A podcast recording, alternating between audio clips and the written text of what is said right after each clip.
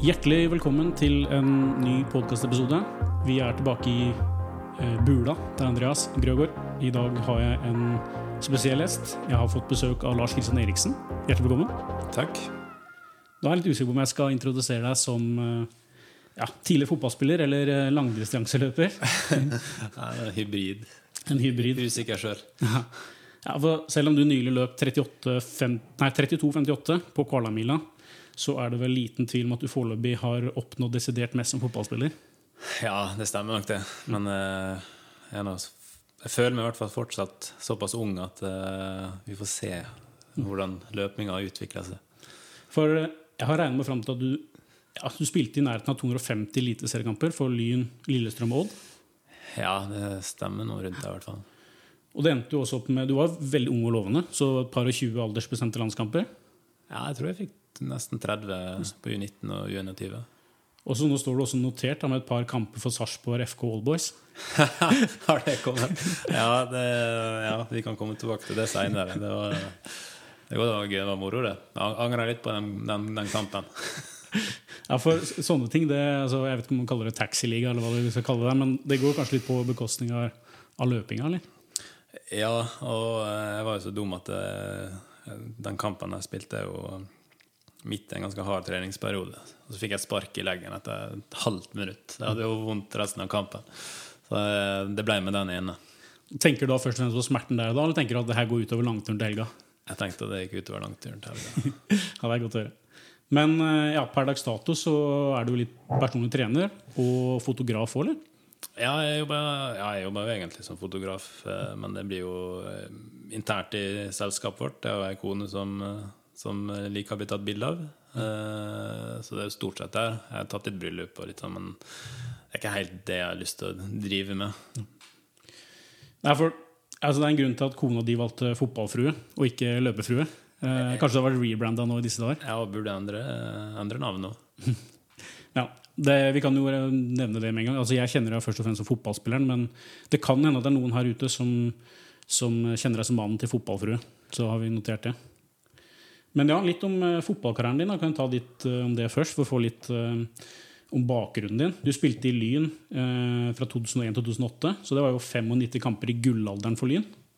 Ja, var, jeg kom til Lyn da jeg var 18. Eh, hadde et år på juniorlaget og vant junior-NM. Og så var jeg, ble det syv eller åtte år på A-laget i Eliteserien. Fikk med oss en bronse i serien og et cupsølv. Og litt europacup. Så det var, det var en fin, eh, fin periode. Ja, Bronse i 2002, og så var det jo Ja, da, det, det var året før jeg kom opp i avstanden. Okay. Eh, Jeg var med og trente litt da. Men eh, altså, jeg bronse i serien. Husker jeg feil her. Fjerdeplass var det vi fikk. Jeg vet i hvert fall at I siste serien i 2004 så spilte de om bronse, men uh, da tapte de for et gulljagende Rosenborg. Jeg husker Det var vel Frode Johnsen som herja stygt med hat trick. Uh, var det mot Vålinga da? Daniel Bråten fikk en assist også. Så Ja, jeg husker det var rundt av Vålerenga også var litt oppi der. Da var vi, det var, vi var bare et poeng eller noe sånt unna sølv. Det var jevnt, i hvert fall. Lenge siden. Begynner å bli gammel. Men det var sterk kontrast at det neste år da står det at det, da ble det bronse. Og da slo dere Bodø-Glimt 6-0 i siste serierunde. Ja, sånn var det. Stemmer det. Bedre meg. det. Jeg har juksa litt, sett litt i papirene her. Men eh, ja, eh, det var jo fantastisk å se på Jeg var inne på, på førsteelverne eh, på den siste matchen der. Og da hadde jo dere en legendarisk førsteelver der med Jan Derek Sørensen, Jo Tessem, Kevin Larsen, Thomas Sokolowski, Stefan Gislason og deg selv. da, Må jo nevne deg også, den gjengen. Ja, vi hadde Lyn hadde en fin periode. da. Det var, det var bra nivå da. Og kan jo nevne altså det, det Glimt-laget. Eh, det er jo større navn fra back in the days enn det er eh, i dag. Det er Harald Martin Brattbakk spilte der. Det var et par eh, Berg-typer, selvfølgelig. Tom Høgli, Erik Hoftun. Så det Ja. Det står da bronse 2005, så da hadde du nok matcher til å få notere bronse. Mm. Og så forlot du et synkende skip og dro til Lillestrøm. Ja, i grevens tid. Jeg var jo glad i Lyn, så det var litt synd det som skjedde. Men uh, man, eh, man må være litt egoistisk i den idretten også. Ja, Tøff bransje. Ja, så det Jeg kom Jeg så Jeg så uh, problemene komme, Så da var det egentlig bare å prøve å finne noe nytt. Og det var egentlig greit. Og jeg følte meg litt klar for, for noe nytt også. Vi kan jo nevne det i en bisetning her, at nå er jo Lyn tilbake. Om ikke i det gode selskap, så rykka de opp til andredivisjon av forleden. Ja, det er gøy. Jeg håper de eh, kommer seg opp. Og både for Oslo-fotballen og for, for Lyn som klubb. Men så, eh, 2012, så ble du henta av eh, Dag Eller Fagermo. Da var de nyopprykka. Og da debuterte du faktisk med, med scoring og seier mot Lillestrøm. Ja. Det er fra sin egen man, man skal ha det. Ja, det er sant, det. Det, det, var, det var godt. Jeg var suspendert i den første serierunden det året. Jeg ble utvist i siste seriekamp for Lillestrøm. Eh, Så det var egentlig tilfeldig at det ble debut akkurat mot, Lille, Lille, mot Lillestrøm. Hører du med til historien her at um, ja, det her var en periode en, Det ble en gullalder for Odd. da Og da var det jo lagkamerat med min bror, Thomas Grøger, som spilte på venstrebekken. Og der ble det bronse i 2014. Dere kom til cupfinalen. Det var liksom Det var skikkelig go i Odd. Ja, det var, det var de morsomste åra sånn sportslig eh, som jeg har hatt. Mm. Da hadde vi en helt fantastisk driv i laget, og alle mm, alle dro i samme retning, og en del gode og sterke personligheter og fotballsmarte spillere. Og eh, vi hadde kanskje ikke de største og beste spillerne.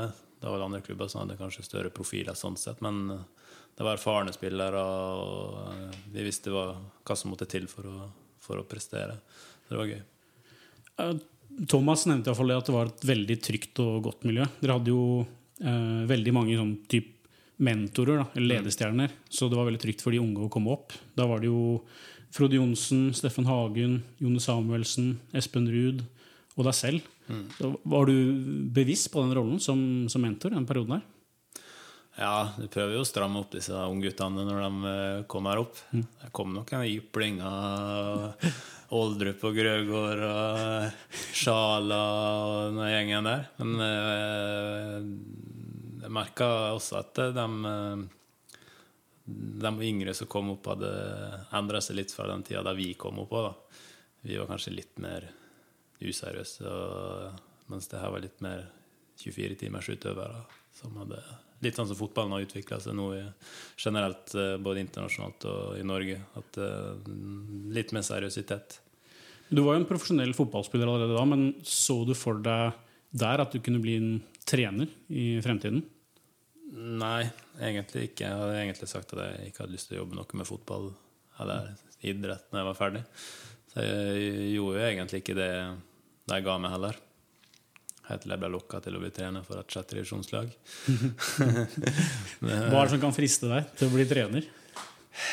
Nei, jeg har jo savna fotballen etter at jeg slutta eh, de siste åra. Så jeg har jo lyst til å komme litt inn på trenersida der. Og eh, jeg føler jo liksom at jeg vet sjøl hva jeg kunne gjort annerledes. Så kanskje bruke den erfaringa til å hjelpe andre og yngre spillere til å eh, ja, ta flere riktige valg. Da. Kan ikke bare ta riktige valg. Du må, må ikke det, men det, det er ikke negativt å ta gale valg så lenge du lærer dem. Du tok i hvert fall mange gode valg i 2015, for da ble du også kåra til årets spiller blant fansen. Det Ja. er hedersbetegnelse. Ja, det var, det, det, det var helt riktig, det, altså. Nei, det, det var en god sesong, det. det jeg ble omskolert til midtstopper de siste tre åra. Og det passa meg egentlig bra, for jeg har alltid vært Alltid vært en spiller som løper mye og jager mye opp og ned. Og sånn, så, men så ble jeg jo eldre og sleit litt med skade første åra i Odd. Eh, og da jeg ble satt inn som midtstopper, så fikk jeg egentlig brukt hodet litt mer og litt mer smartness. Og jeg følte når jeg fikk bidra mer. Har du som stopper, så er du litt mer med i oppbygging av spillet. Mens som back så er du kanskje mer Du løper mer og eh, prøver å utnytte litt mer rom, mens du som stopper, er, er den som ser løsninga og liksom dikterer spillet litt mer. da. Så det passer meg egentlig veldig godt. Og jeg fløt jo veldig mye med på et lag som var i medgang òg, da. Og du, du slår meg som en veldig laidback type. Eh, Jeg har jo hørt rykter om at du kunne drikke opptil flere pils kvelden før, eh, før kamp. og sånn. Er det noe hold i de ryktene? Ja, det, hendte på bortekamp at Oi, sorry. Det hendte på bortekamp at uh, jeg sneik meg ned for å ta med et par liter opp på rommet før vi la oss. Så jeg var ikke fremmed for det. Nei, og faget Det er en god historie fra dagen før vi skulle spille, skulle spille kamp. Uh, vi hadde en sånn kampforberedende økt. Uh, jeg og Ole Jørgen Jeg spilte høyreback, Ole Jørgen Halvorsen var høyrekant. Og vi skulle ha en frispilling, og det endte med at jeg sendte ballen langt opp på tribunen. Det var helt håpløst. Og Fagermo forbanna på meg og forbanna på Ole Jørgen. Og Ole Jørgen ble fra seg, gikk nesten av økta. Han ble så sur på Fagermo, men det sto lo. Så jeg tok ikke med så mye nær av kjeft og sånne ting, og tok det litt med laidback, men uh, men uh, jeg tror det er viktig liksom, i det gamet der òg. Det er vel greit å ha en sånn forsvarsmekanisme med seg når du trenes av Fagermo over flere år. At ja. det er Greit å ha litt gjennomtrekk, ikke ta til seg alt. Nei, du kan ikke det. når, han ble, når han ble forbanna, så sa han det han mente, og det, han la ikke noe imellom der. Altså. Du måtte jo egentlig bare ta det, ta det som det det var. da. Mm.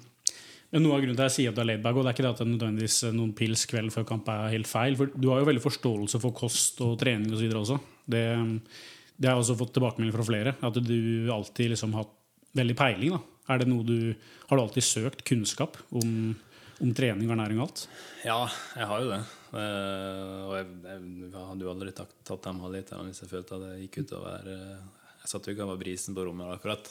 Men uh, jeg har alltid vært opptatt av det og lært om det. Studert, studert ernæring og så begynte på en bachelor i 2012. Den er jeg bare halvveis i. Men uh, det var uh, litt andre årsaker til at jeg slutta der. Det var barn i, kom barn i veien, og tida strakk ikke til. Men nei, jeg har alltid vært opptatt av å optimalisere så jeg kunne prestere best mulig. Mm. Jeg var jo med dere til eh, La Manga der i 2016 for å studere trenerteamet og skrive en masteroppgave om eh, lederstilen og daglig drift av deres. Og mm, jeg blei jo ansett som gal når jeg løp rundt i fjellene eh, eller på mølla i treningsrommet, mens dere koste dere på strøkne gressplener og kanskje pumpa litt i, i treningsrommet. Og du uttalte jo selv en gang at da du spilte fotball, så var jogging eller løpetrening det kjedeligste du visste. Så idet du hadde endt karrieren, så skulle du iallfall ikke begynne med kondisjonstrening. Og nå sitter vi her. ja, nei, jeg hadde sånn Når jeg skulle slutte med fotball, så skulle jeg gjøre Det var én ting jeg ikke skulle gjøre, det var løpe. Men eh, jeg kunne til en styrke. Mm. Men løping, det var utelukka. Og nå har du løpt 32,58 på mila. Og noe av grunnen til at jeg vil ha deg inn her i, i stua, var at du har bestemt deg for å løpe Valencia maraton med sub 2,30 som, eh, som mål. Ja. ja. hva, hva, skal vi konkludere med? Eh, fotballspillere er som løpere. Vi er forskjellige. Ja, vi er jo det. Vi er det. Men uh, ja, altså 2,30 på, på maraton. Du virker jo å ha satt deg veldig godt inn i det her. Hva skal til for å, for å oppnå det nå, for din del? Nei, jeg skulle gjerne hatt en litt lengre distanse enn 10 km for å liksom, kunne være enda sikrere i i målet. Eh, men nå er jeg bare den 10 km, så jeg må jo ta Så har den Jack Daniels, løpskalkulatoren der, som gjør at du kan basert på den forskninga han gjorde, at du kan estimere hva du bør kunne løpe på. Da. Så basert på den 10 km-tida, så er jo 2.32-33 i en optimal verden det du bør kunne løpe på. Da. Det er jo min konklusjon at på ti uker så kan jeg bli bedre. Eh, både på kortere distanser og på lengre distanser. Og ergo 2,30 bør være mulig. Og så tenker jeg også at de løpkalkulatorene er basert på litt gamle sko. Og, mm. og nå har det vært en revolusjon de siste fem åra på løpesko. Så jeg tenker den er litt konservativ, den estimeringa også. Mm. Jeg gir deg gode sjanser. Jeg har løpt et par ganger under 2,30 sjøl. Og vil jo si at per dags dato så ligger du vesentlig mye bedre an enn det jeg gjorde. Ja. Før jeg gjorde løp under 2,30. Um, men ja. Det er uansett det er en stor overgang da, fra det å Jeg tror vi kan definere deg som en kjøttbekk back in the days, men uh, du, du ble jo i hvert fall definert som en arbeidsmaskin da, med stor løpskapasitet. Så allerede fra tidlig, kanskje i lynåra, så var du ansett som en løpsmaskin. Ja, jeg var, jeg var jo bra kondisjonsmessig. Og jeg løp jo en del da jeg var yngre. Og Jeg var alltid glad i å løpe, og alt fra ungdomsskolen, var det tre kilometer, til løping på trening og sånn, så løper jeg jo mye. Så jeg, jeg hadde jo 74 kvoteopptak mm. eh, i 2003, tror jeg. Eller 2004. Så jeg har jo løpt og gjort, lagt ned innsatsen for å få en god kondisjon. Eh, men etter hvert som jeg ble eldre, og sånn, så ble jeg leier, mer og mer lei av å løpe. Så den var nok ikke ved 73-tallet da jeg ga meg. Men jeg, jeg håper at jeg, jeg tror jeg kanskje over det nå, i hvert fall i området der. Var det også noe grunnen til at du etter hvert ble skolert inn som midtstopper? eller? At det ble mer duellspill og taklinger og ikke så mye løping? Ja, jeg sleit fryktelig med skade en periode der da jeg gikk til Odd. Jeg måtte operere i Tyskland for Gilmorsgroin. Da, da ble det mindre trening, jeg måtte hvile mer. og Da merka jeg jo fort på kondisjonen at det, det var ikke sånn som jeg var en gang i tida. Ja. Og det er jo den, spesielt den overgangen der fra midtstopper da, til maratonløper. Den er jo ganske spesiell. Ja. Syv kilo lettere. Er det? Ja, jeg veide vel 74-75, mm -hmm. og nå veier jeg 68. Dæsken. Nærmer seg kenyanske forhold. Så det, det, har gått ned av vektmessig. Det var jo egentlig en bevisst strategi òg. Mm. Ja, det er jo et arbeidskrav, det, som ja. Eh, kanskje må innafor. Ja. Eh, jeg husker dere hadde den fettklypa nede på La Manga. Ja. Det er ikke noe fettklype på nå? Det er ikke nødvendig, kanskje? jo, jeg hadde en kompis uh, som var innom ei fettklype i, i, vår en gang, faktisk. Men det var bare på moro skyld. Mm. jeg husker vi hadde I Odd så hadde vi regelmessige målinger. Det var jo, folk var jo kjemperedde. Sto i kø og venta på å bli kløpet med denne klypa. Det var ikke populært, det. Jeg husker jeg fulgte der i kulissene, for jeg bodde jo på den ene uh, leiligheten der det var noen trenere og ledere. Og der var det jo ofte fettmåling. Da. Uh, og det var veldig artig å se hvordan folk uh, var litt nervøse før innveiing eller innmåling. Men ja, hvordan, hvordan, vil du beskrive deg da som fotballspiller og, og nå som løper? På egenskaper og sånn? Nei, Da jeg var yngre, så var jeg nok en ganske løpssterk backkant. Uh, opp og ned, opp og ned hele veien. Uh, kanskje litt vill i stilen. Uh, helt ok grunnteknikk, og, ja, men det var stort sett innsats det gikk, gikk, gikk i. Etter hvert som jeg ble eldre og kunne, måtte, jeg kunne ikke løpe fullt så mye, så ble det jo mer til at jeg spilte mer på med hodet og erfaring og klokskap. Uh, så var jeg en god uh, Jeg var god én mot én og en god duellspiller, selv om jeg ikke var så høy. Så det, det var styrkene, styrkene mine. Er det egenskaper du har dratt på deg inn som løper? Ja er usikker der. Så det er ikke så mye dueller. I, jeg prøver meg på sånn baneløp. Så ja, var det noen dueller på Kvarnamila? Nei, det var det. Jeg la meg frem i vinden på mm. første steg. Det var ingen som ville dra, så jeg måtte lede han felt i fem kilometer. Det var motvind på begge sider.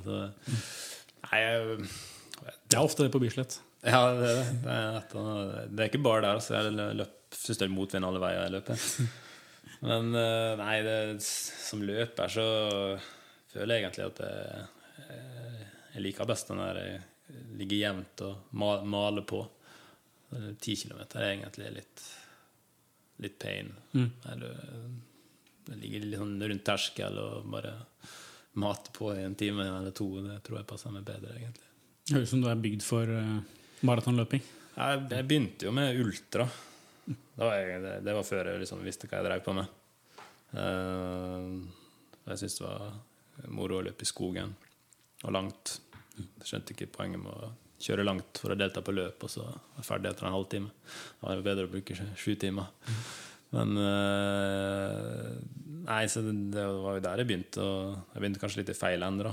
Jeg har funnet noe i ettertid at det beste er vel kanskje å utvikle fart og de egenskapene først. Og så kommer utholdenheten etter hvert, som eh, man blir eldre treningsmessig. Mm. En annen kontrast da, mellom fotball og løping er det her at uh, dere vinner som et lag, versus nå at alt avhenger av deg selv. Er det noe som appellerer til deg? Jeg føler litt mer sånn eierskap til, til det jeg driver med. Uh, suksessen ja, I den grad jeg har hatt suksess nå som løper, da, så, så gir det nesten litt mer selvfølelse. Mm. Liksom, det, det, er ikke noen andre lagkamerater som har uh, kanskje bidratt mer enn deg, men det er ikke utelukkende din egen innsats som uh, gir resultat. Det, liker, den liker jeg veldig godt. Ja. Men motsatt òg, Hvis du ikke løper under 2,30 i Valencia, så er det ikke så mange å skylde på? Nei, det var ingen andre skyld på. Det, det, det, det er egentlig greit. Altså. Jeg synes det er godt. Du, det er veldig lett å finne ut hva, hva du kunne gjøre bedre, da, istedenfor å kikke på andre. Så egentlig bare se på seg sjøl og hva du har gjort, og hva som må gjøres bedre. Mm. Jeg husker jo du nevnte en gang at det optimale med fotballkarrieren var å, å leve av det. Mm. Det oppnådde du. Ja. Men eh, nå, optimale målet med løpinga Jeg regner med at hvis du løper under 2,30, så gir du deg ikke med det. Du har jo toppidrettsmentalitet. Ja, nei, det har jeg så absolutt. Det var det, det som gjorde at jeg begynte å løpe. Jeg savna konkurranse og det å eh, konkurrere og kjempe om ting og prestere. Eh, så jeg har absolutt at jeg har både kortsiktige mål og langsiktige mål. Eh, og det langsiktige målet er Jeg har lyst til å lykkes i først og fremst i stiløping og terreng. Eh, kanskje ikke, kanskje, kanskje ikke så mye fjell, for det er ikke så mye fjell der jeg bor. Men å kunne dra ut i Europa og være med og kjempe om topp 20 og topp 10 i de store terrengløpene, det er drømmen. Vi får se nå etter Valencia da, om, om, du ikke blir frelst av maraton gateløp òg. Ja. En gang så håper jeg vi ser deg i New York og Boston, sånne kuperte maraton gateløp òg. Ja, altså, jeg, har, jeg begynte jo med, med kun terreng og sti.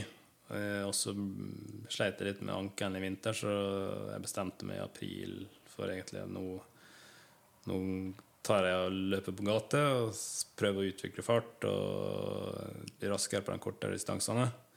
Så har jeg egentlig funnet ut at jeg tror det gjør meg til en bedre ja, Du får et bedre steg og en bedre arbeidsøkonomi på sti. Mm. Jeg tror egentlig at det er noe jeg kommer til å fortsette med, selv om jeg kanskje neste år kommer til å fokusere mer på de løpene som går i terreng. Ja.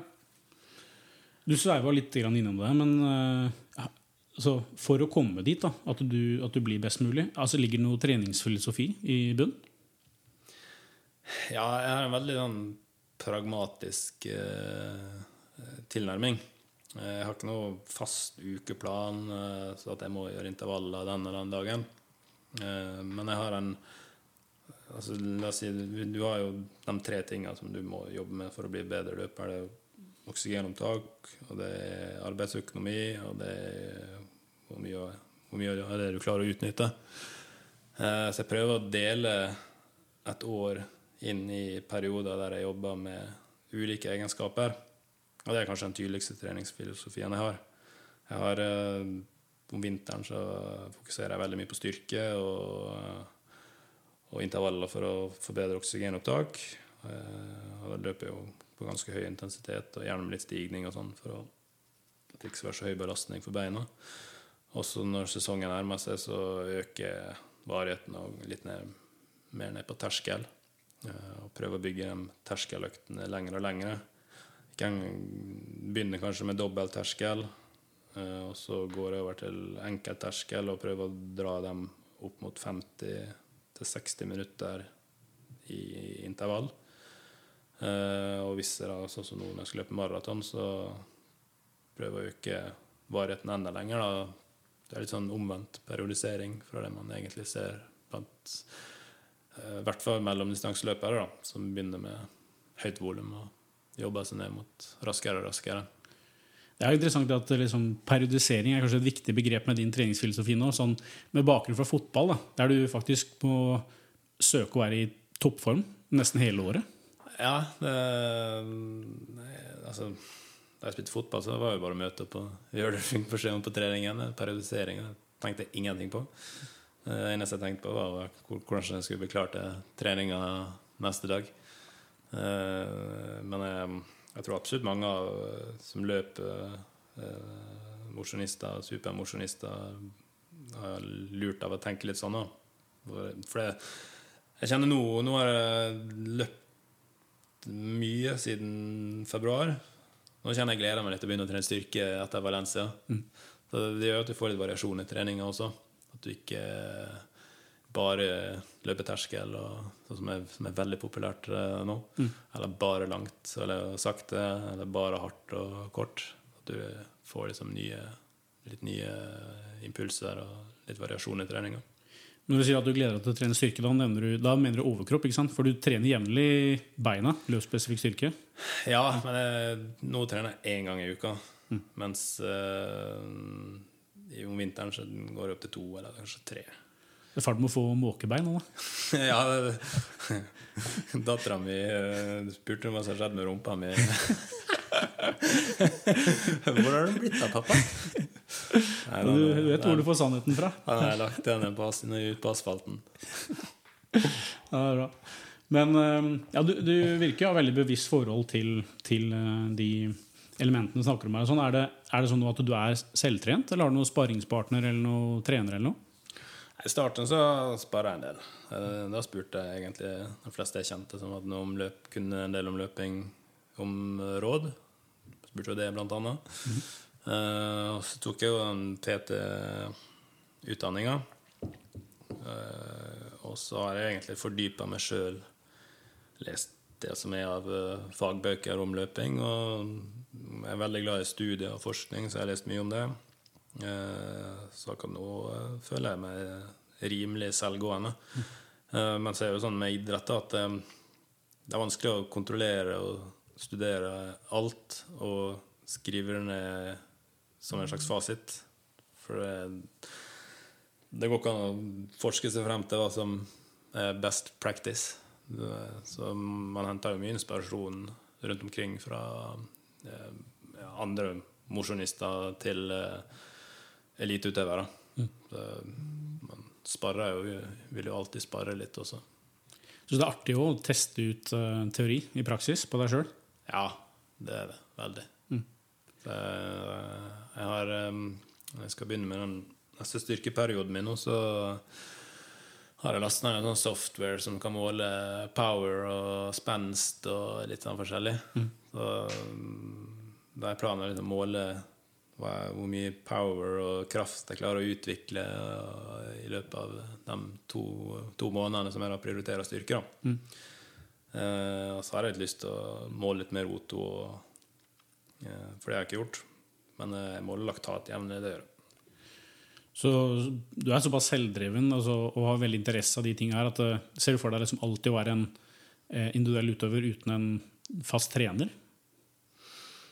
Ja, det har i hvert fall ikke vært opp til vurdering å ha en trener. Men jeg, jeg tror absolutt det kunne vært positivt å få litt impulser fra andre, andre trenere. også.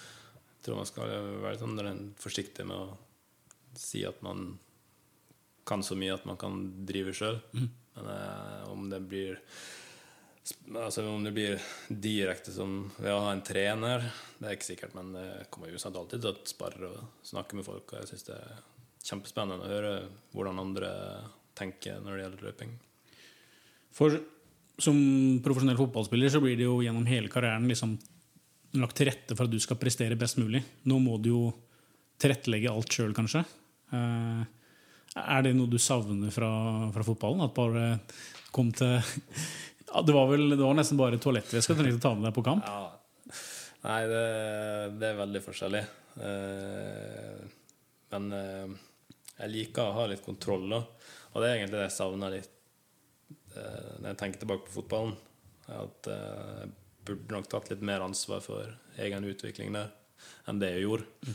Istedenfor å Jeg tror det er litt av det feilen mange, mange gjør når de havner i den lagidretten. da at man bare man går ut ifra at alt blir, alt blir tilrettelagt, og du bare kan møte opp og bli trent. Men eh, jeg, tror, jeg tror man bør eh, ta det ansvaret selv også, utover det som klubben tilbyr. Det er liten nyanse, men likevel stor forskjell på det å trene og bli trent. Ja, veldig, veldig stor. Eh, noe jeg kan Altså jeg Bakgrunnen som fotballspiller sjøl, om jeg ikke nådde like langt som deg, så drev jeg i hvert fall en del år. Og det jeg savner, er jo garderobekulturen. Er det noe du opplever i løpinga, eller? nei. ja, nei, jeg savner det nå. Litt sånn fellesskapet. Det er ikke så bra løpemiljø i, i Sarpsborg, egentlig. Det, Magnus Erstad bor jo i Oslo. Vet. Ja, Kommer han han må komme seg, komme seg nedover til Østfold eh, litt oftere. Nei, jeg savner litt den Jeg har en kompis som jeg løper med. Uh, og så eh, har det egentlig blitt med det. Så, og så har det vært noe sånn Sarpsborg IL har noen fellesøkter på tirsdager og torsdager, men det passer veldig sjeldent. Det er liksom midt i leggetida til ungene. Og, så, men klart, hadde jeg hatt en jobb der jeg var opptatt hele dagen, så hadde jeg kanskje tatt meg tida til akkurat det, men øhm, det har bare ikke blitt sånn. Men nå har de iallfall påmeldt eh, Valencia Marathon. Og sånne ting, det kan jeg love der, der bygger man garderobekultur. Én ting er å komme seg ned og få oppleve å løpe gjennom Valencia, det er dritfett. Men den her eh, banketten etterpå, alle sitter her slitne og kan ta seg en øl eller fire sammen, det bygger kultur. Ja, ja det, det tror jeg. Jeg har et par kompiser som skal nedover. Han ene var egentlig Kristoffer Tollås, eh, en kompis av meg. Han, eh, han har forsøkt seg på sub 230 et par ganger. Han har ikke klart det. Så var egentlig han som overtalte meg til å gå for 230. men jeg sa egentlig 235. Jeg orka ikke å gå på en smell. Men han overtalte meg, da. Men jeg sa jo til han det sier du kun fordi du vil at jeg skal løpe la med deg, så du klarer målet ditt. Men eh, nei, det blir gøy det å um, ned der og eh, prøve å samle så mange som mulig egentlig som skal under 2,30, og så prøve en gjeng Som pusher hverandre litt. Det er jo en sånn gyllen grense, så det pleier alltid å være gode felt rundt sånne hele Ja. tider. Ja, men jeg, jeg har alltid likt å løpe meg litt inn i løp. Så uansett om jeg kommer til å gå for 2,30, eller om jeg modifiserer det litt, så tror jeg kommer til å starte litt under den mm. Og så prøve å øke litt underveis. Og som gammel fotballspiller så er det vel litt uh, sprut i beina ennå. Så hvis du har uh, Hvor fort kan du løpe på den siste kilometer, tror du? Ja, nei, jeg, jeg hadde økt før jeg løp Kvalheim-mila, der jeg løp 3 ganger 3000 i 10 km fart. Og så avslutta jeg med en 1000 meter all out. Og den gikk på 2,50, tror jeg. Så jeg, jeg har litt anarobe egenskaper inni her, så jeg, kan, jeg tror jeg kan hente ut uh, siste, siste kilometerne. Men ja, innom det, da, så er det noe Er det noen andre egenskaper eller ting du tar med deg fra bakgrunnen som fotballspiller, da, eh, som har hjulpet deg nå som løper, tenker du? Ja, det er det å jobbe målretta mot, uh, mot de målene du setter deg. Uh, og, vis, uh, fotballen så brukte jeg mye visualisering, og det bruker jeg mye når jeg trener.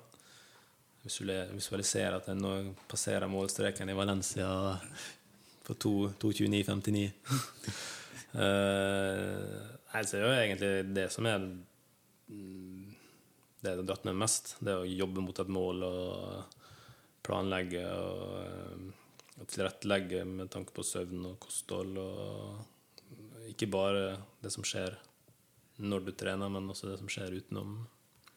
Visualiserer du mye på trening, eller er det utenom trening? Er stort sett når jeg trener. Når det kniper litt på intervallene, så er det deilig med litt god musikk på øra. Du liksom ser for deg at du, du er i løpssituasjon og kjemper om seieren.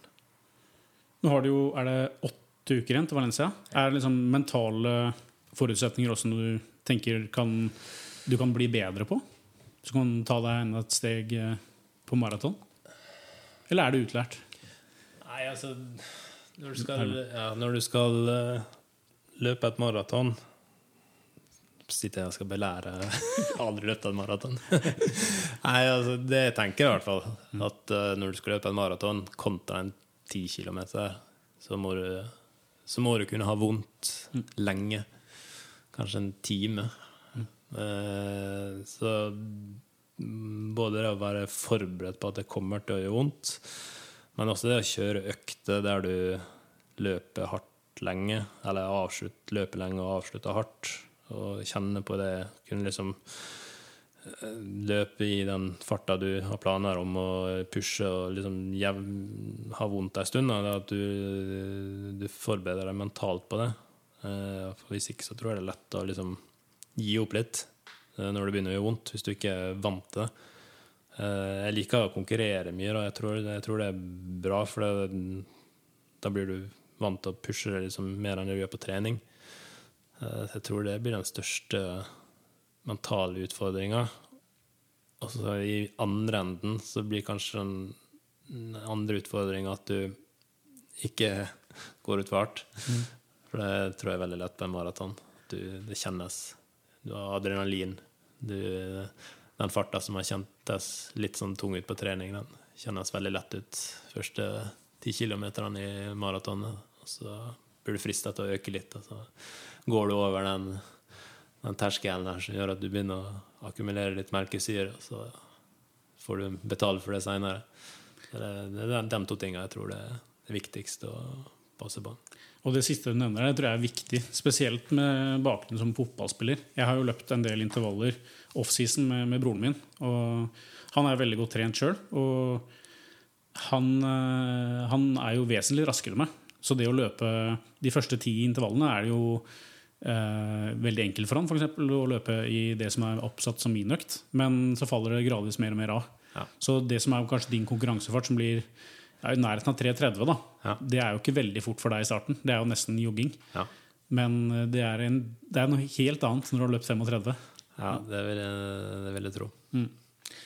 Uh, men ja, du var innom uh, det her med terskel, og, altså inn på intensitetsbegrepet. da. Eh, og vi var innom Dag Erle Fagermo, som har vært din, din, trener opp igjennom. Jeg regner med at hvis han sto på sidelinja og, og, og, ropte, som han som regel gjorde ja, eh, på, på, returløp, så kunne du ikke svare med at jeg må holde meg under terskel. Nei. Det, det var av og på. Ja, det var av og på. Men eh, ja, du var jo kjapt innom med, med, med terskelfart og oksygenopptak. Eh, har du gjort noen nylige tester? Og er det noe konkret du ser for at du må videreutvikle nå for at du faktisk skal kunne løpe under 2,30? Ja, det målet er jo det er, det er litt vågalt, som jeg sa i stad. Det er kanskje litt over der nivået er nå. Så hvis du skal liksom se på sånn, sette arbeidskravsanalyser, så må jeg egentlig eh, forbedre både maksen og bunnlinja. Jeg må bli bedre, bli raskere, og du må, må bli mer utholden. Mm. Derfor er den treningsplanen mot Valencia nå egentlig ganske balansert. da. Mm. Jeg har eh, både intervaller i 10 km fart for å jobbe litt med, med oksygenopptaket. Eh, og så har jeg harde langturer da, på 3-4 mil. Sånn, litt sånn Canova-style, 90 eh, av maratonfart. Mm. De har jeg veldig troa på, så lenge du ikke gjør dem for ofte. Mm. Og de som ønsker å følge den reisen, de kan vel få stort sett det meste du gjør, på Strava? Jeg er veldig transparent. Er det? Dønn ærlig? ja. Er det sånn brutal ærlighet du har tatt med deg fra Dag eller Fagermo? ja, jeg, er egentlig ikke fra han, men det, jeg legger i hvert fall ikke noe imellom uh, av det jeg legger ut. Det, det, det som skjer, det, det kommer ut. Du virker å være ærlig på ting og ikke men ikke så veldig kontroversiell. Men du har nevnt et par ting her. Du, jeg husker du nevnte en gang jeg snakka med deg sist, at du ikke brukte noen tid på tøying og nedjogg og restitusjonsøkter og sånn. Anser det kanskje som fullstendig bortkasta? ja, bortkasta Hvis målet er å restituere, så vil jeg si at restitusjonsøkt er ganske bortkasta. Men uh, det er trening. Det går, mm. det går ikke an å trene og restituere samtidig. Men det går an å trene såpass lett at det krever mindre restitusjon enn ei hardøkt. Mm. Og det er jo det som er, liksom hensikten med de rolige i anførselstegn restitusjonsøktene. Det er jo å trene såpass lett at det ikke øker restitusjonstida mer enn det som var før, før du begynte å trene. Og eh, hvis du spør om hva, hva er poenget med økta, da, så er jo det å bygge volum over tid. Og det er kanskje ikke de øktene som gjør at du blir god dagen etterpå men uh, kanskje om tre år. Mengden, den totale mengden. Da. Så sånn restitusjon isolert? Hvordan vil du definere Søvn, mm. kosthold Eh, og eh, ikke for mange harde økter. Det- Da har du en god balanse med restitusjon og, og hardt arbeid. Er det planlagt eh, fokus på det nå fram til Valencia? Legger du inn hviledager og fokuserer utelukkende på søvn og kosthold? Jeg trener stort sett hver dag, så jeg har ingen dager der jeg liksom hviler sånn 100% Men uh, i motsetning til kanskje en eh, periode der jeg trener mer terskel, bare så istedenfor én hard dag og én rolig dag, så er det kanskje én hard dag og to rolige dager. Uh, og det er jo litt fordi de harde dagene er 20-30 km i intervall istedenfor 12-13 km intervall. Så da har jeg funnet ut at jeg må, jeg må ha to, to rolige dager for å hente meg inn mellom de, de øktene. Og for å hente deg inn, så, så blir det noen knekker med melkesjokolade til morgenkaffen. Ja, nei, det må, det må jeg ha. Jeg er nøye på kosthold, sånn, men jeg, jeg nekter dem ingenting. Det gjør jeg ikke. Men du har jo veldig forståelse for, og, og kunnskap da, om, om ernæring. Og altså, det som helsemyndighetene anbefaler, eh, er vel kanskje ikke alltid forenlig med det som er prestasjonsernæring. Særlig inn mot maraton, med carbloading og Nei. Hvordan legger du opp eh, siste uka med carbloading? Nei, jeg begynner to dager før. Og det går mye cornflakes. Er du, er du sponsa av Cornflakes? Nei, jeg er ikke det. Jeg burde, jeg burde, jeg burde Det går nesten en kilo cornflakes. Nei, cornflakes det- er min go to carb eh, loading. Det er ren glukose. Og så eh, ja, jeg må ha litt sukker på det. Men eh, fruktose i sukker det det er mange som sier det er negativt til det, men eh, det bygger opp glykogenlagre i leveren. Og du må ha litt av det òg. Og studier viser jo også at det, mat med høy glykemisk indeks er bedre for glykogenlagring enn lav, lav glykemisk indeks. I tillegg så ser du også at hvis du spiser mat med mye fiber, da, som typ grov pasta og grov brød, så, så jo, blir du mett fort. da, Når du skal carbloade, så må du spise ganske mye. Så eh, da bytter jeg ut grovbrød med loff og ja. Sånn dagene da i forkant av den carbloadinga, er du restriktiv på, på karbohydratene for å, å tømme, eller går du bare rett inn i Nei, jeg går bare rett inn i ja. ja. Og er du rå nok til å pakke med cornflakes i bagasjen til Valencia? Kanskje håndbagasjen òg, Ja, du skal ikke se bort ifra det. det. Ja, jeg tror faktisk jeg kommer til å gjøre det. For jeg, har ikke lyst til å komme ned dit og måtte fly rundt for å finne brød og mat og styre og sånn. Det er greit å bare ha med seg ferdig i kofferten det du trenger. Det, jeg tror det er en av styrkene mine på et maraton som jeg har tatt med litt fra ultra. Da. Det er den ernæringsbiten. Da. Jeg har lest masse om folk som eh, går på en smell på maraton etter 30 km. Og Jeg skjønner jo at det er langt, men jeg skjønner ikke hvorfor folk skal gå på en smell der gang etter gang.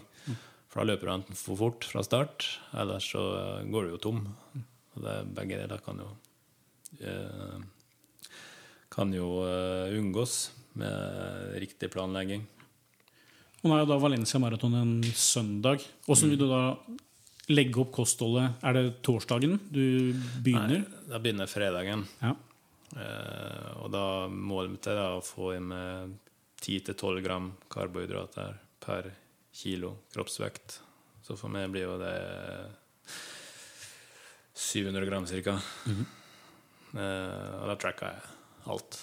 Jeg spiser. 700 gram med karbo. Ja. Det er ganske mye. ja. Så jeg, går, jeg pleier å gå opp et kilo, ett eller et kilo i løpet av den perioden. Det er altså da i form av væske, ikke sant? For det binder en del væske. Ja, man sier vel at eh, 500 gram binder ca. to blir ca. to kilo totalt sett. Så, eh, men det forsvinner jo i løpet av maratonet.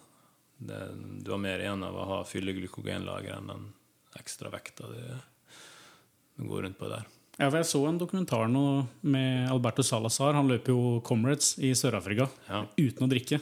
Fordi han var så ekstremt opptatt av eh, lav vekt. Ok. Men det her er back in the days. Det er kanskje Ja. ikke noe du ville stått inne for.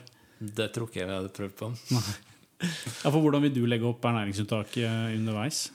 Eh, Planen min er å få i med én gels hvert kvarter. Så det blir jo da ni, ni gels, der vi ser ut til 2,30.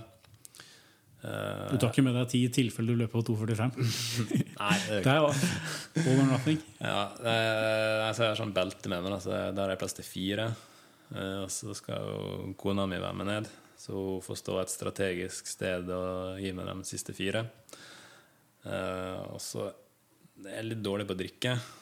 Jeg har alltid skrytt av at det trenges litt vann, men jeg tror det egentlig ikke er noe å skryte av. Jeg tror man, da bør jeg lære. Så jeg har egentlig forsøkt nå å prøve å trene på å drikke mer.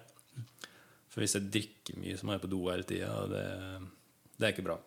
Så da vil jeg heller prøve å trene meg opp til å kunne drikke mer på trening. Så jeg kan få i meg mer væske i løpet. Og væske er jo greit å få, for det, det er jo det hver 50 km. Så det er ikke noe problem.